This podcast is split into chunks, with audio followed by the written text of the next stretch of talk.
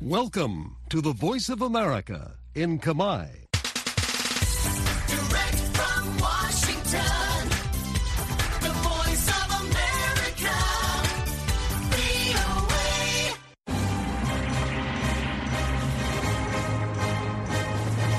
សួស្តីប្រិយមិត្តអ្នកស្ដាប់ជាទីមេត្រី នៅក្នុងកម្មវិធីផ្សាយតាមវិទ្យុរបស់ VOA នៅព្រឹកថ្ងៃអង្គារទី27ខែកុម្ភៈឆ្នាំ2024នេះខ្ញុំជឹងពូជីននិងសហការីនៃក្រុមផ្សាយជាខេមរៈភាសាសូមស្វាគមន៍ប្រិយមិត្តពីរដ្ឋធានី Washington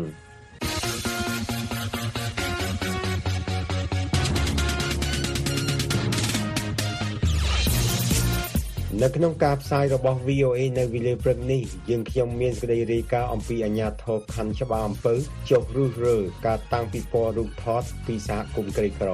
កម្មវិធីព័ត៌មានអវកាសខែនេះស្ដីអំពី50ឆ្នាំក្រោយមកអាមេរិកចុះចតលើព្រះច័ន្ទជាលើកដំបូងដោយប្រើយានអវកាសឯកជន ក្រុមកោតក្រ Nagawal ស្នើសមាជិកព្រឹទ្ធសភាថ្មីជួយដោះស្រាយវិវាទរបស់ពួកគេហើយនឹងសេចក្តីរាយការណ៍អំពីគណៈបកឆន្ទៈខ្មែរឈ្នះ3អាសនៈគណៈបកប្រជាជនកម្ពុជាឈ្នះលើលុបក្នុងការបោះឆ្នោតព្រឹទ្ធសភា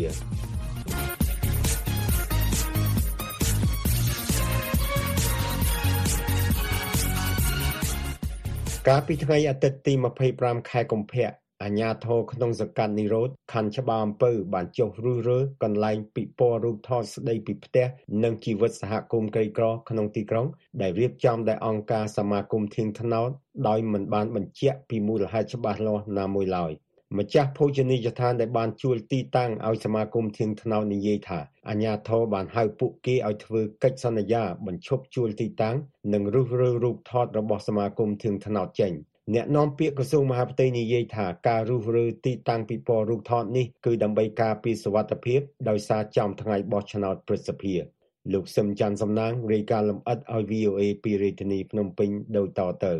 អញ្ញាធរក្នុងសង្កាត់និរោធខណ្ឌច្បារអំពៅកាលពីថ្ងៃអាទិត្យបានចុះរុះរើកន្លែងពិព័រណ៍រូបថតសហគមន៍ក្រីក្រក្នុងទីក្រុងស្ដីពីផ្ទះនិងជីវិតរបស់អង្គការសមាគមធៀងថ្នោតនេះបើតាមការផ្សាយលើទំព័រ Facebook របស់អង្គការសមាគមធៀងថ្នោត អង្គការសមាគមធានថ្នោតបញ្ជាក់ក្នុងសារដែលបង្ហោះលើបណ្ដាញសង្គម Facebook កាលពីថ្ងៃទី25ខែកុម្ភៈឆ្នាំ2024នេះថា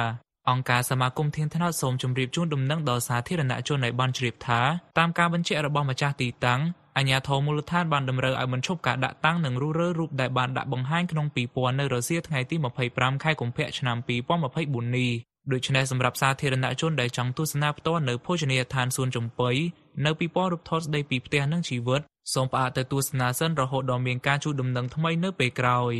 បើតាមរូបថតដែលត្រូវបានបង្ហោះភ្ជាប់ជាមួយសាររបស់អង្គការសមាគមធៀងថ្នោតគេឃើញអាជ្ញាធរកំពុងរើរូបថតដែលដាក់តាមបង្ហាញនៅភោជនីយដ្ឋានចំបុីក្នុងសង្កាត់នីរ៉ូតខណ្ឌច្បារអំពើរាជធានីភ្នំពេញ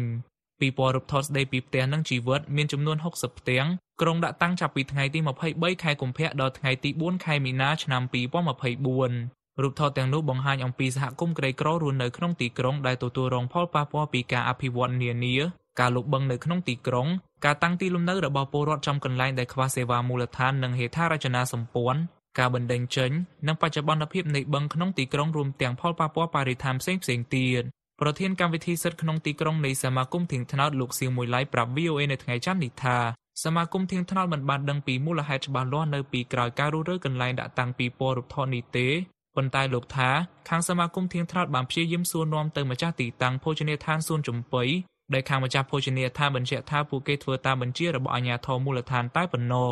បើតាមពួកបញ្ចេញពីខាងម្ចាស់ទីតាំងមកហ្នឹងក្នុងពេលជាមួយគ្នាក៏ខាងខណ្ឌគេមកដែរគឺគេនៅមុខនេះហើយគេដាក់សម្ពាធថាបើសិនជាមិនរុះរើទេគេនឹងបិទទីតាំងនឹងអញ្ចឹងក្នុងនាមគាត់ជាឯកជនជាអ្នកហៅស៊ីគឺគាត់មានការព្រួយបារម្ភចំពោះបញ្ហាហ្នឹង បានគាត់ស្នើសុំអធិស្ឋានពីយើងក្នុងការបិទឬក៏ប្រជុំសកម្មភាពនឹងបើតាមលោកសៀងមួយឡៃពីពណ៌នេះធ្វើឡើងក្នុងគោលបំណងយកនៅផ្ទាំងទស្សនីយភាពរបស់សហគមន៍ក្នុងទីក្រុងដែលបានរងគ្រោះពីការអភិវឌ្ឍអសវត្ថភាពដីធ្លីការតាំងទីលំនៅថ្មីដែលខ្វះការរៀបចំសេវានិងហេដ្ឋារចនាសម្ព័ន្ធជាមុននិងការបណ្តេញចេញដោយបង្ខំមកបង្ហាញដល់សាធារណជននិងអ្នកពាក់ព័ន្ធឲ្យបានដឹងដើម្បីរួមគ្នាស្វែងរកដំណោះស្រាយនិងលើកកម្ពស់សិទ្ធិមានលំនៅឋានសមរម្យ ប្រធានកម្មវិធីសិទ្ធិក្នុងទីក្រុងរបស់អង្គការសមាគមធៀងថ្នោតរូបនេះក៏បានបង្ហាញការសោកស្ដាយក្រោយអាជ្ញាធរបញ្ជាឲ្យរុះរើកន្លែងពីពណ៌រូបថតរបស់សហគមន៍ក្រីក្រក្នុងទីក្រុងចេញលោកថាសកម្មភាពទាំងអស់នេះមិនមែនជាដំណោះស្រាយសម្រាប់សហគមន៍ក្រីក្រក្នុងទីក្រុងឡើយតែវាជាសកម្មភាពនៃការកិច្ចវេះរបស់អាជ្ញាធរដែលមិនមានការចូលរួមដោះស្រាយបញ្ហាប្រឈមនានាដែលកំពុងកើតមានក្នុងសហគមន៍ក្រីក្រ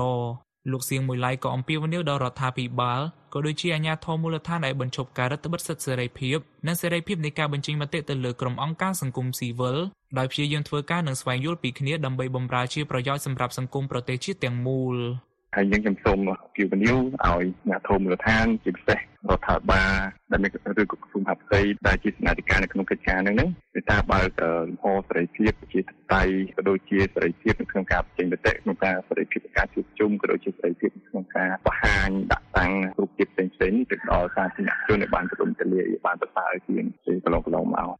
VOA បានតាក់ទងទៅភោជនីយដ្ឋានសួនចំបុីដោយបុគ្គលិកដែលទទួលទូរស័ព្ទប្រាប់ VOA ក្នុងលក្ខខណ្ឌមិនបញ្ចេញឈ្មោះថា អាជ្ញាធរបានហៅភាគីខាងភោជនីយដ្ឋានឲ្យទៅធ្វើកិច្ចសន្យានិងបញ្ឈប់ការជួលទីតាំងឲ្យសមាគមធាងថ្នោតសម្រាប់ការដាក់តាំងពិព័រណ៍រូបថតបុគ្គលិកភោជនីយដ្ឋានរូបនេះបន្ថែមថាខ្លួនមិនបានដឹងពីបញ្ហាផ្ទៃក្នុងរវាងសមាគមធាងថ្នោតនិងអាជ្ញាធរឡើយនីពរដ្ឋបាលសង្កាត់នីរ៉ូតលោកហៅស៊ីលីហូបានចុចផ្ដាច់ទូរស័ព្ទភ្លាមៗក្នុងពេលដែល VOA បានព្យាយាមសួរសំណួរពីការរុះរើរូបថតពីពណ៌របស់សមាគមធាងថ្នោត VOA ក៏មិនទាន់អាចសុំការអធិប្បាយពីលោកជេងមនីរ៉ាអភិបាលខណ្ឌច្បារអំពៅបានផងដែរដែលទូរស័ព្ទចូលតែពុំមានអ្នកទទួលអ្នកនាំពាក្យក្រសួងមហាផ្ទៃលោកទូសុខៈប្រាប់ VOA តាមប្រព័ន្ធទំនាក់ទំនង Telegram នៅថ្ងៃច័ន្ទនេះថាការចុះរុះរើរូបថតទាំងនោះគឺដោយសារតែចំថ្ងៃការបោះឆ្នោតជ្រើសតាំងសមាជិកប្រសិទ្ធិដែលជាព្រឹត្តិការណ៍នយោបាយដ៏ធំមួយក្នុងប្រទេស លោកបន្ថែមថាសកម្មភាពទាំងនេះមិនមែនជាការរដ្ឋបិទសិទ្ធិសេរីភាពនោះទេប៉ុន្តែជាការយកចិត្តទុកដាក់ការពារសុវត្ថិភាពពីសំណាក់អាជ្ញាធរមានសមត្ថកិច្ចក្នុងតំបន់នីមួយៗដែលត្រូវគ្រប់គ្រងស្ថានភាពឲ្យបានល្អប្រសើរជៀសវាងសកម្មភាពអវិជ្ជមានណាមួយកើតមានឡើង។ ពាក្យថាសមត្ថកិច្ចឬអាជ្ញាធរនេះគឺថាមានទូនាទីភារកិច្ចនៅក្នុងការគ្រប់គ្រងសន្តិសុខសុវត្ថិភាពនិងសម្ដាប់ធ្នាប់សង្គមដូច្នេះកាលណាគាត់មើលឃើញហើយវិភាគឃើញថាអង្គើឬក៏សកម្មភាពណាមួយអាចនឹងជាតម្រុយឬក៏ជាមូលដ្ឋានដែលអាចនឹងឈានទៅដល់ការមានបញ្ហាវិជ្ជមានណាមួយកើតឡើងនោះគាត់នឹងចូលទៅអន្តរាគមលើសកម្មភាពទាំងអស់នោះទៅតាមផ្លូវច្បាប់តាមផ្លូវទម្លាប់ហើយលោកបន្ថែមថា លោកគាំទ្រចំពោះការដាក់លិខិតស្នើសុំរបស់សមាគមទៀងថ្នោតមកកាន់ក្រសួងមហាផ្ទៃដើម្បីជួបនឹងជជែកមុនការរៀបចំសកម្មភាពផ្សេងៗជៀសវាងការយល់ខុសគ្នាដែលអាចបង្កឲ្យមានសកម្មភាពមិនល្អណាមួយកើតឡើងនាយកទទួលបន្ទុកកិច្ចការទូតនៃអង្គការការពារសិទ្ធិមនុស្សលីកាដូលោកអំសំអាតយល់ថាករណីដែលអាជ្ញាធរបញ្ជាឲ្យរុះរើទីតាំងពីពណ៌រូបថតរបស់សមាគមធៀងថ្នោតជាការរំលោភបំពានសិទ្ធិឯកជនភាពនិងការជួបជុំដោយសន្តិវិធី លោកបន្តថាការដាក់តាំងរូបថតនេះគឺក្នុងគោលបំណងបង្ហាញនៅរូបភាពជាសមិទ្ធផលដែលសមាគមធៀងថ្នោតបានរកឃើញតែប៉ុណ្ណោះពីព្រោះការតាំងរូបភាពនេះគឺក្នុងបំណងបង្ហាញនៅសមិទ្ធផលឬក៏អ្វីដែលគេបានរកឃើញហើយវានៅក្នុងទីតាំងឯកជនទៅទៀតតែវាមិនមែនជាការទីតាំងនៅសាធារណៈដែលត្រូវសូមជូនដំណឹងទៅអាជ្ញាធរឯទេនេះគឺទីតាំងឯកជនគេយល់ព្រមនៅក្នុងការផ្ដល់កន្លែង ឲ្យសមាគមធាតុថ្នោតក្នុងការតាំងពិព័រណ៍រូបភាពណាហើយរូបភាពទាំងអស់នេះវាជារូបភាពមិនមែនជាការប្រឌិតទេវាជារឿងដែលសកម្មភាពនៃការងាររបស់សមាគមធាតុថ្នោតដែលត្រូវធ្វើអញ្ចឹងខ្ញុំមើលទៅថានេះវាជារឿងរំលោភសិទ្ធិទៅលើសមាគមធាតុថ្នោតក៏ដូចជារំលោភសិទ្ធិទៅលើភូមិឋានរបស់គេ បើតាមលោកសៀងមួយឡៃរូបថតទាំង60ផ្ទាំងដែលត្រូវបានរុះរើទាំងនោះស្ថិតនៅក្នុងភោជនីយដ្ឋានចំបៃនៅឡើយប៉ុន្តែលោកមិនទាន់អាចបញ្ជាក់ពីពេលវេលានិងទីតាំងនៃការដាក់តាំងពិព័រណ៍ឡើងវិញបាននៅឡើយទេរាយការណ៍ប្រជាធានីភ្នំពេញខ្ញុំសំច័ន្ទសំណាង VOA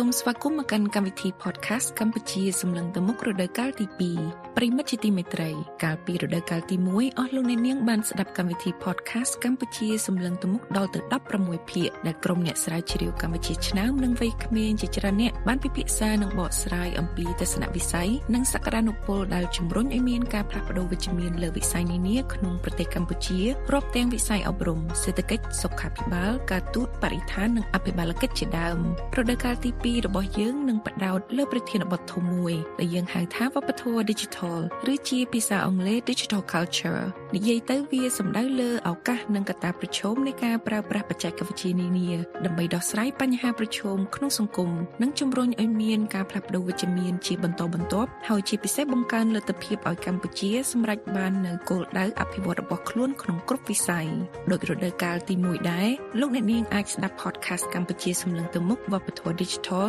ឬ Digital Culture នេះតាម Apple Podcast Google Podcast Spotify និងតាមគេហទំព័ររបស់យើង khmer.vnews.com/envision Cambodia Digital Culture ហើយសូមកុំភ្លេច subscribe សូមអរគុណ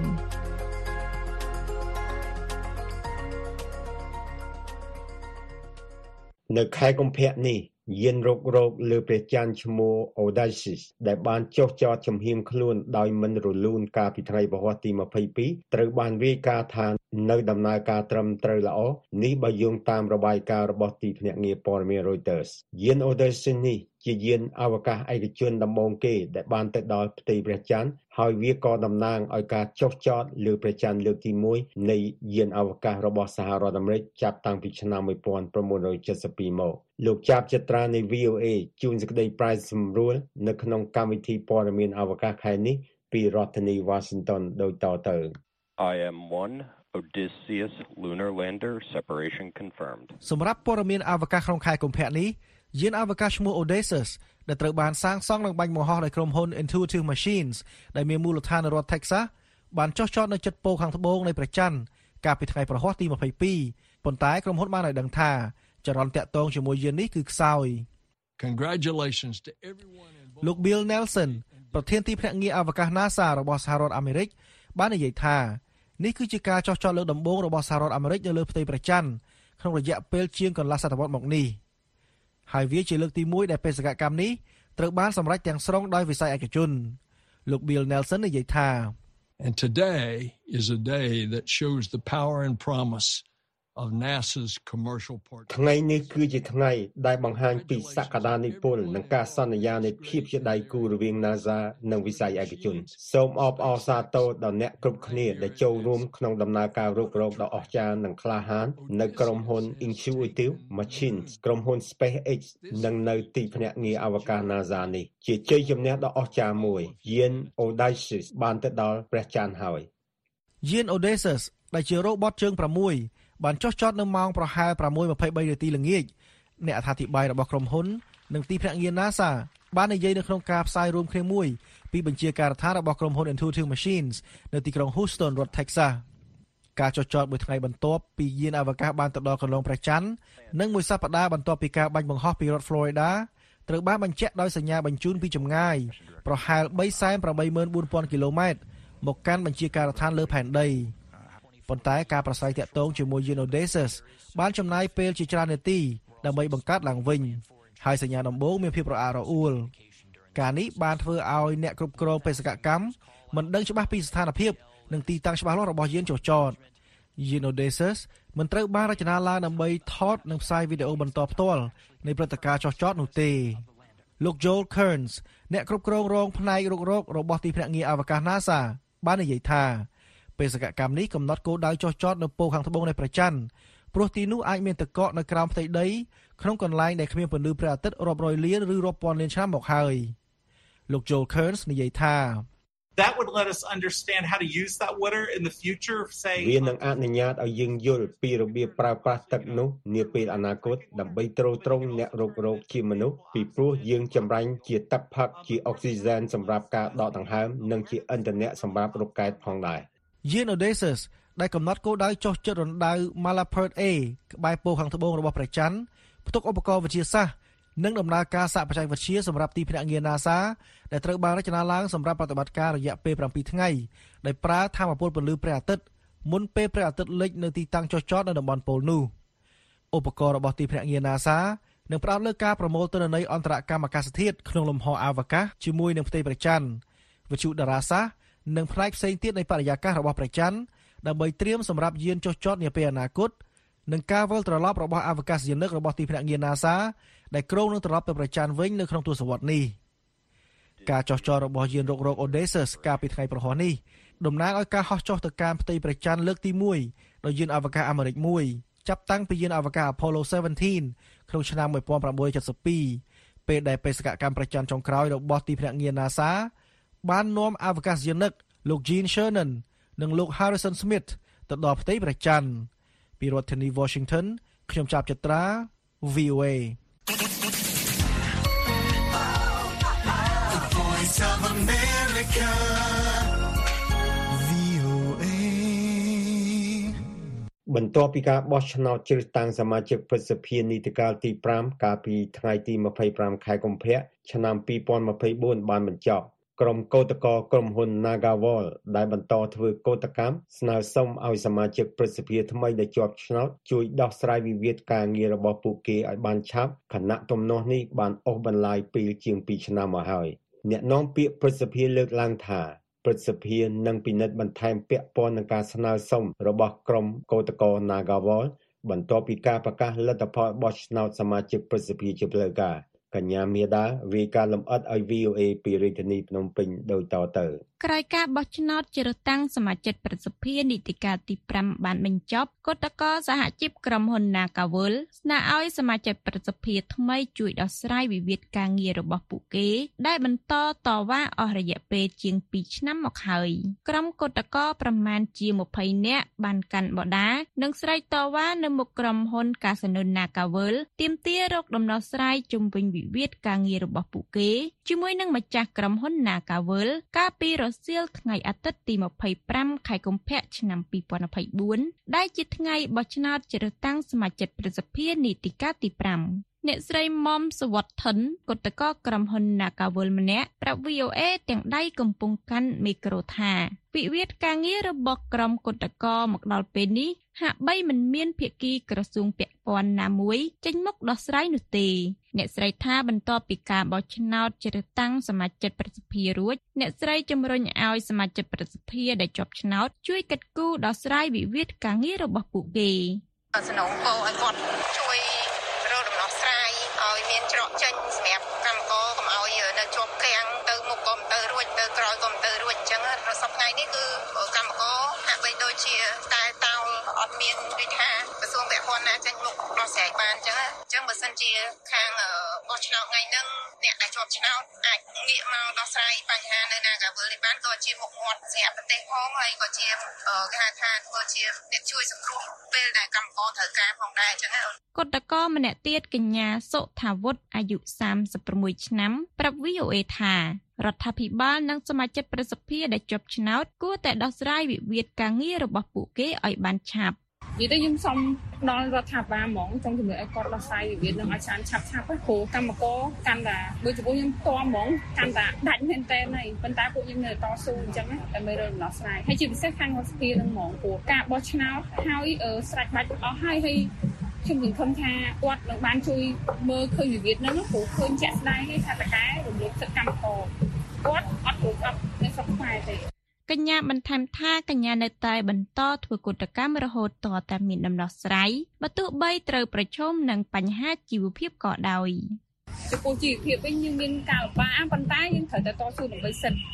ព្រោះតកែគាត់ជីតកែបរទេសហើយមករំលោភសិទ្ធិកម្មករខ្មែរនៅស្រុកខ្មែរនេះវាជារឿងដែលអយុត្តិធម៌សម្រាប់ខ្ញុំសម្រាប់ខ្ញុំជាកម្មករម្នាក់ដែលធ្វើការនៅក្នុងស្រុកខ្មែរខ្លួនឯងតែគ្មានអ្នកណាអើពើអញ្ចឹងអូនទោះបីជីវភាពបងមានការលំបាកយ៉ាងម៉េចក៏ដោយក៏បងនៅតែតស៊ូស្វាស្វែងរកខ្ញុំនិយាយថា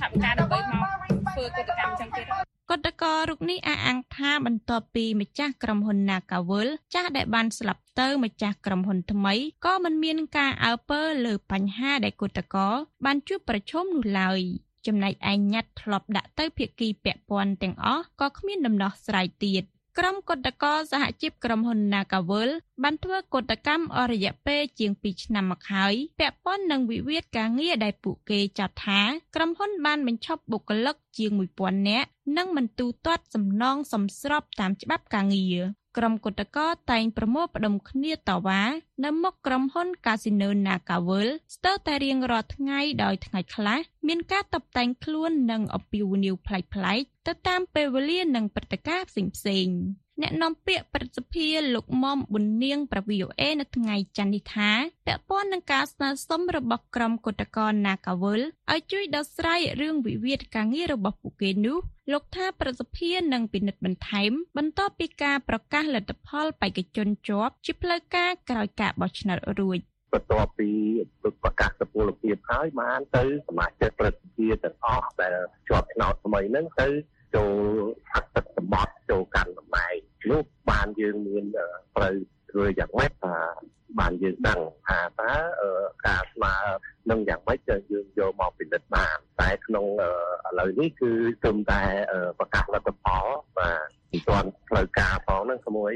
លោកថាជំវិញបញ្ហានេះប្រសិទ្ធភាពមានទូនាទីត្រឹមតែពិនិត្យនិងតាមដានផ្ដល់ជាអនុសាសន៍ខ្លះដើម្បីឲ្យដំណើរការនៃការដោះស្រាយស្របទៅតាមយុត្តិធម៌និងត្រឹមត្រូវលោកបន្ថែមថាក្រសួងការងារនិងអាជ្ញាធរដែនដីបានចូលរួមពិភាក្សាគ្នាដោះស្រាយបានជាបន្តបន្ទាប់ខ្លះហើយពាក់ព័ន្ធនឹងវិវាទការងារនេះ អ្នកនាំពាក្យក្រសួងការងារនិងបណ្ដុំបណ្ដាលវិជ្ជាជីវៈលោកកតាអនប្រាប់ VOA នៅថ្ងៃច័ន្ទនេះថាក្រសួងនៅតែយកចិត្តទុកដាក់នៅក្នុងការដោះស្រាយវិវាទមួយនេះបើសិនភាគីទាំងពីរមានចេតនាចង់បញ្ចប់ចំនួន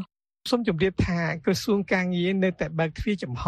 ដល់អតីតបុគ្គលិក Nagawal យើងប្រសិនបើបងប្អូនមានចេតនាចង់ដោះស្រាយ វិវាទនេះបងប្អូនមានចេតនាចង់បញ្ចប់បញ្ហានេះឬមួយក៏មានវឌ្ឍនភាពនៃការដោះស្រាយបញ្ហាសូមដាក់ពាក្យស្នើមកគណៈកម្មការដោះស្រាយបាតកម្មគុតកម្មដោយសន្តិវិធីគណៈកម្មការនៅតែបន្តធ្វើការសម្របសម្រួលដោះស្រាយបញ្ហាជូនបងប្អូនប៉ុន្តែរហូតដល់ពេលនេះយើងមិនទាន់បានទទួលយកសំណើណាមួយនៅឡើយទេដូច្នេះសូមបងប្អូន Nagawal ពិចារណាធ្វើយ៉ាងណាបញ្ចប់ចំនួននេះដោយសន្តិវិធីថ្នាក់ដឹកនាំសហជីពត្រួតត្រងសិទ្ធិការងារបុគ្គលិកកម្មករខ្មែរ នៃក្រុមហ៊ុន Nagawal យ៉ាងហោចណាស់9នាក់ត្រូវបានចាប់ខ្លួននិងចាត់ប្រកាន់ពាក់ព័ន្ធនឹងការធ្វើកុតកម្មចាប់តាំងពីខែធ្នូឆ្នាំ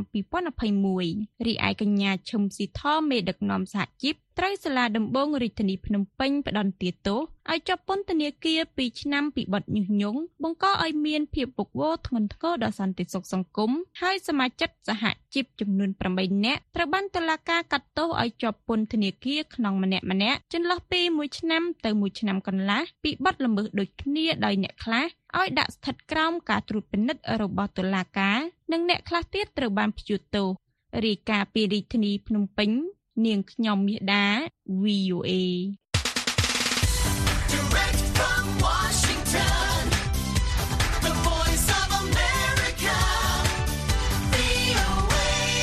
លទ្ធផលបឋមនៃការបោះឆ្នោតជ្រើសតាំងសមាជិកប្រសិទ្ធភាពដែលចេញផ្សាយដោយគណៈកម្មាធិការជាតិរៀបចំការបោះឆ្នោតកោជបកាលពីថ្ងៃទី25ខែកុម្ភៈឆ្នាំ2024បង្ហាញថាគណៈបកប្រជាជនកម្ពុជាដែលជាគណៈបកកាន់អំណាចឈ្នះលើសលុបគណៈគណៈបកឆន្ទៈខ្មែរដែលតំណាងឲ្យគណៈបកភ្លើងទៀនបានទទួល3អាសនៈប៉ុណ្ណោះក្នុងចំណោម62អាសនៈលោកលោះលីបលីបរាយការណ៍លម្អិតឲ្យ VOA ពីរាជធានីភ្នំពេញដូចតទៅ គណៈបច្ឆន្ទៈខ្មែរខកចិត្តចំពោះលទ្ធផលបឋមនៃការបោះឆ្នោតជ្រើសតាំងសមាជិកប្រសិទ្ធិក្រោយគណៈកម្មាធិការជាតិរៀបចំការបោះឆ្នោតប្រកាសថាគណៈបកប្រជាជនកម្ពុជាទទួលបានអាសនៈចំនួន55ចំណែកគណៈបច្ឆន្ទៈខ្មែរទទួលបាន3អាសនៈក្នុងចំណោមអាសនៈចំនួន62ក្រោយការបោះឆ្នោតកាលពីថ្ងៃអាទិត្យទី25ខែកុម្ភៈត្រូវបានបិទបញ្ចប់កជបបានបង្ហាញលទ្ធផលបឋមនៃការបោះឆ្នោតជ្រើសតាំងសមាជិកប្រសិទ្ធិនេះថាក្រៅពីអាសនៈដែលគណៈបកប្រជាជនកម្ពុជាដែលដឹកនាំដោយលោកហ៊ុនសែននិងគណៈបច្ឆន្ទៈខ្មែរទទួលបានគឺអាសនៈចំនួន4ទៀតនឹងត្រូវជ្រើសតាំងដោយព្រះមហាក្សត្រនិងរដ្ឋសភា លោកកុងម៉ូនីកាអគ្គលេខាធិការគណៈបច្ឆន្ទៈខ្មែរប្រាប់ VOA នៅថ្ងៃច័ន្ទនេះថាលោកសោកស្ដាយដែលលទ្ធផលបឋមនៃការបោះឆ្នោតប្រសិទ្ធភាពអាណត្តិទី5នេះមិនដូចទៅនឹងការរំពឹងទុកទោះជាយ៉ាងណាលោកថាលទ្ធផលនេះជាជំហានថ្មីមួយដើម្បីកសាងឡើងវិញនូវលទ្ធិប្រជាធិបតេយ្យសេរីពហុបកទោះជាយ៉ាងណាក៏ដោយលទ្ធផលនេះយើងគិតថាយ៉ាងហោចណាស់យើងបានកសាងលទ្ធិប្រជាធិបតេយ្យសេរីពហុបកនៅថ្នាក់ជាតិនៅអង្គនីតិបញ្ញត្តិជាពិសេសស្ថាប័នព្រឹទ្ធសភាដែលជាស្ថាប័ននីតិបញ្ញត្តិកម្ពុជារបស់ជាតិនឹងដែលកន្លងមកមានការគ្រប់គ្រងដោយឯកបៈហើយដូច្នេះនៅក្នុងអាណត្តិខាងមុខនេះយ៉ាងហោចណាស់យើងមានតំណាងរបស់យើងពីគណៈបកក្រៅរដ្ឋាភិបាលចូលទៅក្នុងស្ថាប័នកម្ពុជានេះចំនួន3នាក់ដែរដែលជាការកសាងឡើងវិញនៅលទ្ធិប្រជាធិបតេយ្យសេរីពហុបកដែលយើងបាត់បង់កន្លងទៅ លោកកុងម៉ូនីកាបន្ថែមដោយជឿជាក់ថាតំណាងទាំង3នាក់ដែលទទួលបានការគាំទ្រពីអង្គបោះឆ្នោតនាពេលនេះនឹងបន្តតស៊ូមតិជាមួយគណៈបកកណ្ដាលអំណាចនិងរាជរដ្ឋាភិបាលដើម្បីផលប្រយោជន៍ប្រជាពលរដ្ឋនិងរួមគ្នាអភិវឌ្ឍប្រទេសកម្ពុជាឲ្យមានភាពល្អប្រសើរ ហើយយើងជឿជាក់ថាយើងនៅតែអាចធ្វើការតស៊ូមតិដើម្បីការពារផលប្រយោជន៍របស់ប្រជាពលរដ្ឋដែលកំពុងតែជួបប្រទះការលំបាកហើយដោយដែលបានជម្រាបជូនថាគោលនយោបាយសំខាន់របស់គណៈបច្ចិន្ទៈខ្មែរគឺផ្ដោតទៅលើវិស័យសេដ្ឋកិច្ចដូច្នេះហើយយើងនឹងផ្ដោតទៅលើការលើកកម្ពស់ជីវភាពនិងការកាត់បន្ថយនៅបន្ទុកទាំងឡាយដែលប្រជាពលរដ្ឋកំពុងជួបប្រទះនៅមុនការបោះឆ្នោតប្រសិទ្ធភាពអាណត្តិទី5នេះគណៈបកប្រឆាំងដ៏ធំក្នុងស្រុកគឺគណៈបកភ្លើងទៀនដែលមានអង្គបោះឆ្នោតជាង2000នាក់មិនអាចចូលរួមប្រកួតប្រជែងជាមួយគណៈបកកណ្ដាលអំណាចបានដោយសារមិនមានឯកសារដើមដែលតម្រូវដោយកជបសម្រាប់ចោះឈ្មោះ ក្រោយមកគណៈបកភ្លើងទៀនក៏សម្រេចចងសម្ព័ន្ធភាពជាមួយគណៈបកក្រៅរដ្ឋាភិបាលមួយចំនួននិងបានសម្រេចយកគណៈបកចន្ទៈខ្មែរធ្វើជាតំណាងសម្រាប់ចូលរួមប្រគល់ប្រជែងជាមួយគណៈបកកណ្ដាលអំណាចនៅនីតិកាលទី5នេះដោយបានរំពឹងថាអាចទទួលបានកៅអីប្រសិទ្ធភាពយ៉ាងតិច8ក្រោយលទ្ធផលមិនដោយការរំពឹងទុកអគ្គលេខាធិការគណៈបកភ្លើងទៀនលោកលីសុធិរាយុទ្ធប្រាប់ VOA នៅថ្ងៃច័ន្ទនេះថាគណៈបកភ្លើងទៀននឹងពង្រឹងស្មារតីនិងគោលជំហររបស់អង្គបោះឆ្នោតរបស់គណៈបកភ្លើងទៀនបន្ថែមទៀតបើតាមលោកលីសុធិរាយុទ្ធការបោះឆ្នោតនាថ្ងៃអាទិត្យគឺអង្គបោះឆ្នោតរបស់គណៈបកភ្លើងទៀនប្រមាណ30%មិនបានបោះឆ្នោតដោយគណៈបកឆន្ទៈខ្មែរដោយទៅបោះឆ្នោតឲ្យគណៈបកផ្សេងការបោះឆ្នោតនាពេលអនាគតយើងគណៈបកភ្លើងទៀននៅមានពេលគ្រប់គ្រាន់សម្រាប់ធ្វើការរៀបចំនិងពង្រឹងរចនាសម្ព័ន្ធរបស់គណៈបកភ្លើងទៀនទូទាំងប្រទេសជាពិសេសគឺការពង្រឹងស្មារតីនិងគោលជំហររបស់អង្គបោះឆ្នោតរបស់យើងទាំង2198រូបនៅទូទាំងប្រទេសដើម្បីធ្វើទុកយ៉ាងណាឲ្យគាត់នៅតែមានភក្ដីភាពនិងភាពស្មោះត្រង់ជាមួយគណៈបកហើយបោះឆ្នោតជូនបេក្ខជនរបស់យើង នៅក្នុងការបោះឆ្នោតនាពេលខាងមុខ ចំណែកអ្នកនាំពាក្យគណៈបកប្រជាជនកម្ពុជាលោកសុកអេសានប្រាប់ VOA ថាគណៈបកប្រជាជនកម្ពុជាសារតើចំពោះលទ្ធផលដែលទទួលបាន55អាសនៈនេះលោកថាគណៈបកប្រជាជនកម្ពុជានឹងអនុវត្តតាមគោលការណ៍ច្បាប់និងបទបញ្ជាផ្ទៃក្នុងរបស់ប្រសិទ្ធភាពគណៈបកប្រជាជននឹងនាមជាគណៈបកសម្លេងភាគច្រើនលើលុបនេះគឺថាធ្វើការតាមគោលការណ៍ដែលមានកំណត់នៅក្នុងរដ្ឋធម្មនុញ្ញនិងបទបញ្ជាផ្ទៃក្នុងរបស់ប្រសិទ្ធភាពអត់មានថាសហការជាមួយគណៈសម្លេងគណៈបកសម្លេងភាគពេចទេមានតែភាគពេចទេដែលសម្របសម្រួលជាមួយគណៈបកសម្លេងភាគច្រើនតាក់ទងតំណែងប្រធានប្រសិទ្ធភាពសម្រាប់អាណត្តិទី5នេះលោកហ៊ុនសែនដែលជាប្រធានគណៈបកប្រជាជនកម្ពុជាធ្លាប់ប្រកាសជាសាធារណៈនៅមុនពេលលោកចុះចេញពីតំណែងជានាយករដ្ឋមន្ត្រីកម្ពុជាថាលោកនឹងតែធ្វើជាប្រធានប្រសិទ្ធភាពជំនួសលោកសៃឈុំដែលគណៈបរិបោះលោករំពឹងថា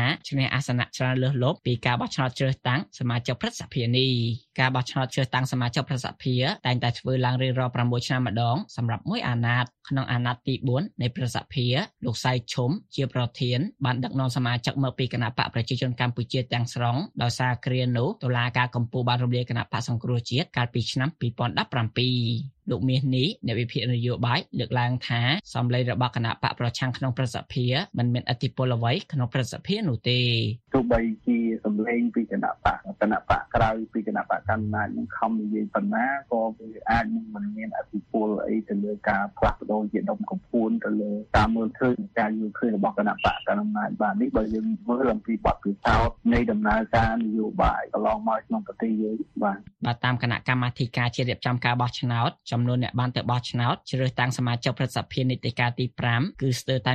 100%ដោយខកខានតែ17នាក់ក្នុងចំណោមអង្គបោះឆ្នោតសរុប11747នាក់ក៏ជើបថាលទ្ធផលផ្លូវការនឹងប្រកាសនៅថ្ងៃទី2ខែមេសាក្រោយដោះស្រាយពាក្យបណ្ដឹងរួចរាល់រាយការណ៍ពីរាជធានីភ្នំពេញខ្ញុំដោះលេបលេប VOA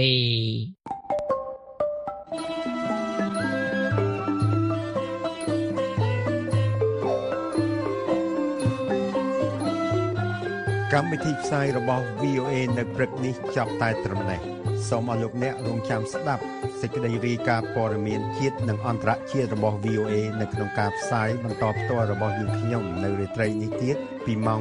8:30នាទីដល់ម៉ោង9:30នាទី តាមរលកវិទ្យុ 25m ត្រូវនឹងកម្រិត11695និង1575 kHz ឬតាមប្រព័ន្ធអ៊ីនធឺណិតដែលមានអាសយដ្ឋានខ្មែរ .voenews.com សូមអរលោកអ្នកបានប្រកបដោយសេចក្តីសុខនិងសុភមង្គលគ្រប់ប្រការអារុនសុស្ដី